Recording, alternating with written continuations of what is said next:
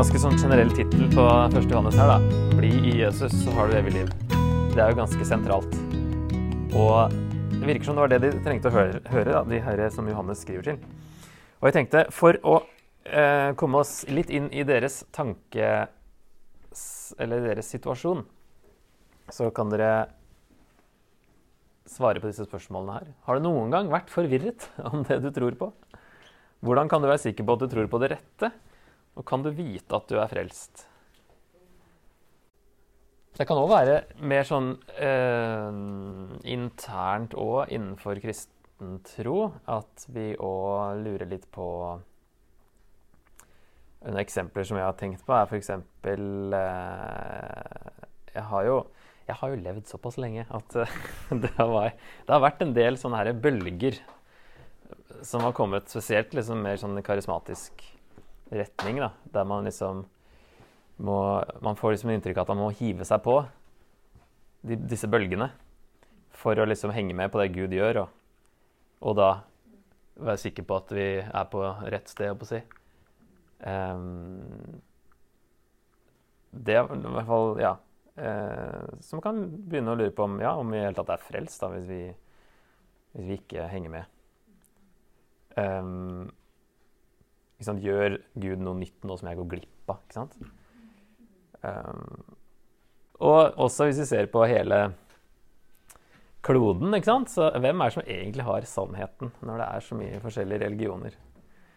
Når folk tror på så mye forskjellig, og hvordan kan jeg vite at Jesus er sannheten? Men eh, for min del, da, da jeg var mest bekymra Og noen har jo hørt denne historien her før, men eh, Er det så vet hvem dette er, Jeg si? Skal vi si hvilken Jesus dette er? Er det noen som vil tippe? Det er Jehovas vitner, vet. Og jeg jobba jo med mange av de en eh, periode. Um, og snakka veldig mye med de, hadde masse diskusjoner, leste mange av de her eh, traktatene deres og kjenner igjen han her kunstneren. Det er den samme som tegner alt. Så du kjenner igjen den her andre Jesus. Det er ikke, dette er ikke vår Jesus, selv om de påstår det. Si. Fremstiller det som om det er det, men uh, der er jo Jesus en skapning. Den første som ble skapt, og som etterpå skapte alt annet. What? Yes. Han er en skapning, så at Gud skapte Jesus først, og så skapte Jesus alt annet etter det. Den store forskjellen er Jesu natur. Han er ikke Gud. Han er én Gud med en liten g, som de har i Johannes 1. Um, de har jo en annen oversettelse, som er, har tjukke teologiske briller. men, uh, men uh, Ja. Og det har blitt da sånn Ja, jeg kjenner veldig fort igjen da, den herre uh, Den, den liksom-Jesus, som egentlig er en helt annen Jesus. Så de de må jo konkludere med at um, Jesus er erkeengelen Mikael, egentlig, som ble Jesus på jorda, og som ble Mikael igjen etterpå. Det er liksom det de må til slutt konkludere med, hvis han ikke er Gud. Selv om hebreerbrevet sier veldig tydelig at han ikke er en engel. Så der har de et problem, men det er det liksom de må lande på. Da. Og så var det ei venninne som spurte meg også når jeg holdt på med det her. Jeg ble veldig interessert i det for å finne ut av hva de trodde på, og hvorfor jeg skulle være uenig. For det visste jeg jo at det, at det var, men uten å vite hva, helt hva jeg trodde på da. Men eh, det var jeg som spurte er det ikke rart å lese om en Jesus som ikke er Jesus. Og det, det var akkurat det det var. Eh, så, men jeg ble likevel veldig usikker, og spesielt en helg som var, eh, føltes da helt sånn som om Gud ikke fantes. Altså sånn tom og mørk og svart, og gikk i Oslo på kvelden, og det var sånn her Det her er jo helt meningsløst. Altså sånn, Hvis Gud ikke finnes, så bare sånn øh. og det var en veldig spesiell helg. Um, og jeg følte litt som jeg hadde blitt lurt hele mitt liv. For det er det de sier at vi har. Og de sier at det er Satan som, som lurer oss. Når det skjer mirakler og sånt, så er det bare Satan som gjør det. Så eh, noe av det her gjaldt jo leserne til Johannes òg. De var forvirra, og de trengte veiledning av en apostel som visste hva han snakka om som hadde vært sammen med Jesus, og som kunne vise dem retningen. For også da så var det jo flere som påsto å ha sannheten. Og her kommer vi kanskje nærmest inn på denne gnostisismen i dette brevet. gnostikerne. Det er mye som tyder på at det var de som, som var på ferde her. Eller da ja, Nå er vi kommet såpass sent. ikke sant? Vi er på 90, rundt 90-tallet. Og da er det like før gnostisismen liksom blir en stor trussel. da. Og her i brevet så er det også snakk om forskjellige Jesuser, og det går også på Jesu natur her. Så det er egentlig sånn Jehovas vitnespørsmål er veldig nært egentlig problemet her.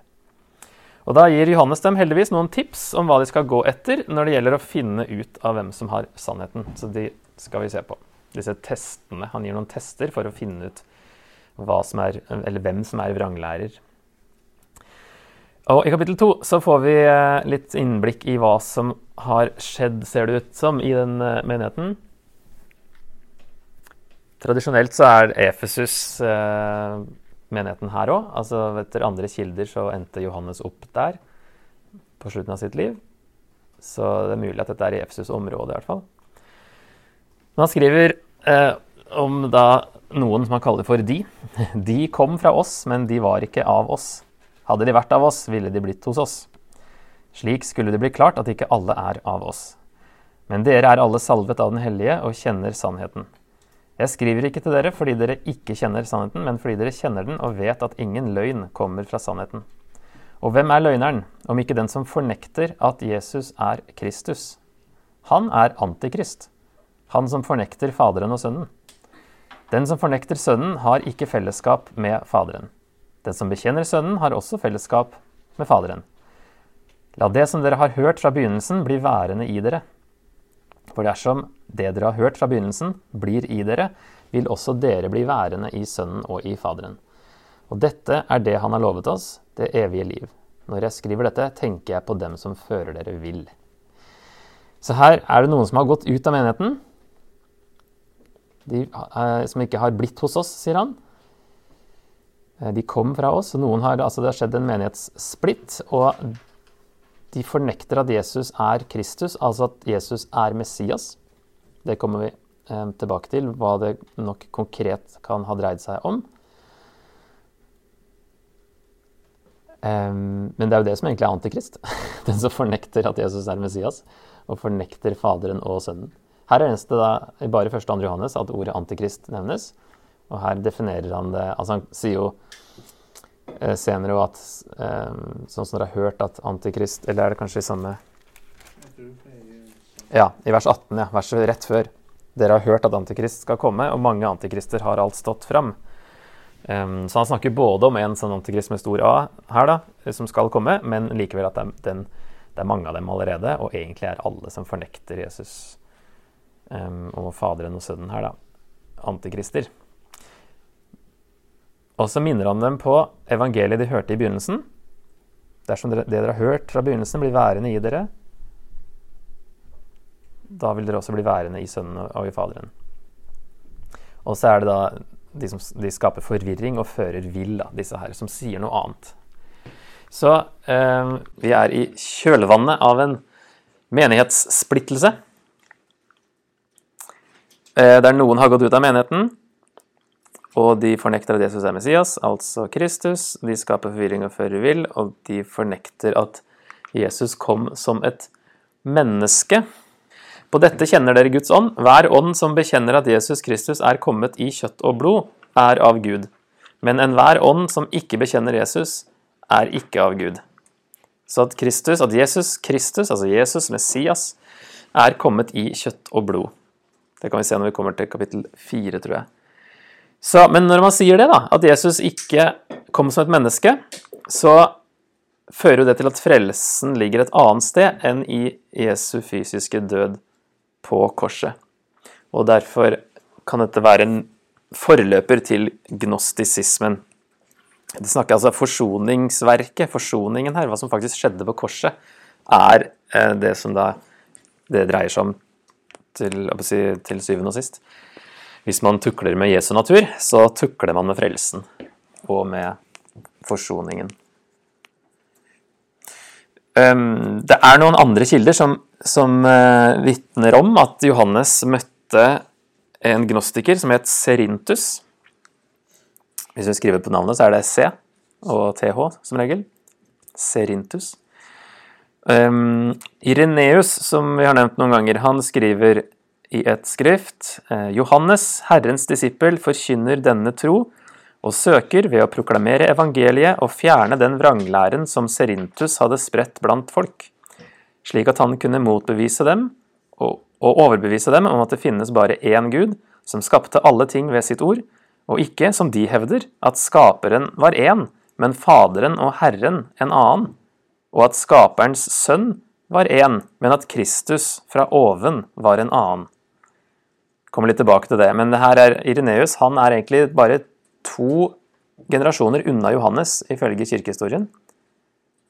Johannes hadde da en disippel som het Polikarp, som hadde en disippel som het Ireneus. Så selv om han levde på slutten av 100-tallet, så står han i veldig nær tradisjon til apostelen Johannes, og han sier dette her, at Johannes han gikk imot gnostikerne og han Serintus og det han forkynte, der de hadde en annen definisjon av eh, Gud, av skaperen, at det var en annen enn Faderen, og at Kristus var noe annet enn Jesus. Så det kommer inn på når han snakker om at Jesus er Kristus, som er kommet i kjøtt og blod. Så har det noe med hvordan gnostikerne nok definerte Jesus og Kristus som to forskjellige ting. Og da begynner folk i menigheten å lure på om kanskje de andre har litt rett. Og så var det jo, altså Hvis dette dreier seg om gnostikere, så var jo det da den intellektuelle eliten. For de mente at man måtte ha spesiell gnosis, kunnskap, for å bli frelst. Og det var ikke for alle, man måtte være litt sånn intellektuell. Og da er de sikkert også flinkere til å argumentere for seg. Og så har det kanskje vært diskusjon, og de var flinke til å snakke, og vanskelig å si noe tilbake. Selv om du kanskje vet egentlig at du er uenig, og så får du ikke sagt det, og så blir du forvirra. Det er kanskje en kjent eh, situasjon. så hvordan kunne de egentlig være sikre på at de var frelst? Så Derfor er det brevet her et godt sted å gå til da, når man eh, har sånne spørsmål. Fordi både Gud og Johannes vil at vi skal være sikre på dette her, og ikke gå rundt og lure på om vi er frelst. Det er eh, understrekes ganske mye i dette brevet den gnostiske todelingen, da, som kalles dualisme, den er veldig grunnleggende for gnostisismen. At eh, man delte opp det materielle og det åndelige. Og det er jo også det som vi har sett på flere ganger, med platonsk tenkning med, med sjel og kropp og sånne ting. Um, det materielle var ondt, for det var, skapverket var egentlig en feiltagelse. Det var ikke, det var ikke liksom den høyeste gud som hadde skapt uh, verden, det var en lavere stående gud som hadde kløna det til litt. Sånn at det var dårlig i seg sjøl. Uh, eh, mens det åndelige, det var godt, da. Så det, da var jo um, poenget å bli fri fra kroppen. Um, og derfor fikk de problemer med, med, Jesus, fordi når inkarnasjonen, altså når evangeliet da, sier at Gud ble menneske, i Jesus, så betydde det at Gud, som er åndelig, som er bare god, ble menneske som er ondt. Og det klarte de ikke til å få til å henge sammen, så de, de, ha De hadde to ulike tolkninger da, på Jesu natur, som vi kommer straks til. Men gnosis betyr altså kunnskap, og løsningen da på uh, hvordan man ble frelst, det var kunnskap. Og frelse fra verden oppnås ved spesiell innsikt, som kun åpenbares for den intellektuelle elite. Og det besto faktisk i passord for å kunne komme seg forbi åndelige hindringer i universet på vei tilbake til den store himmelske ånd. Så han måtte bli fri fra kroppen og komme seg tilbake liksom, til the great spirit in the sky. For så vidt en Pink Floyd-sang. Jeg vet ikke om de tenker gnostisk, men eh, Så eh, det var frelsen. Det var ikke tro på Jesus som var frelsen, det var spesiell kunnskap. Og det var ikke for alle. Og som vi så siste verset i Thomas evangeliet, så er det ikke for damer engang, hvis ikke de gjør seg til menn. Hva nå det betyr. så da førte det til eh, i hvert fall to syn på Jesus. Um, for, å, for, å, få det til å henge sammen, det her da når de sleit med å forene ånd og kropp, og Jesus som var Gud som har blitt menneske. Nei, det går ikke. Ok, Da var det noen som mente at det bare så ut som at han hadde en fysisk kropp, men egentlig var han bare en ånd. Da hadde han ikke liksom tatt på seg det onde materielle. Eller den andre at den guddommelige Kristus, logos, altså ordet, og Kristus, det var guddommelig. Og det kom over mennesket Jesus fra Nasaret i dåpen, men forlot ham før korsfestelsen.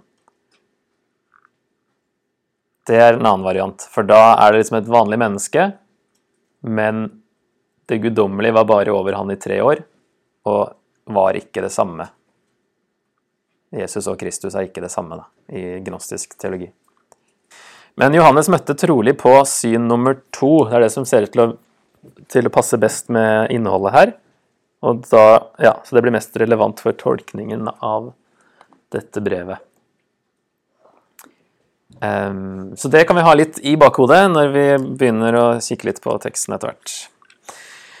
Hvem er det som har skrevet dette brevet, da? Johannes første brev, står det. Uh, selv om det er en overskrift som ikke var uh, original.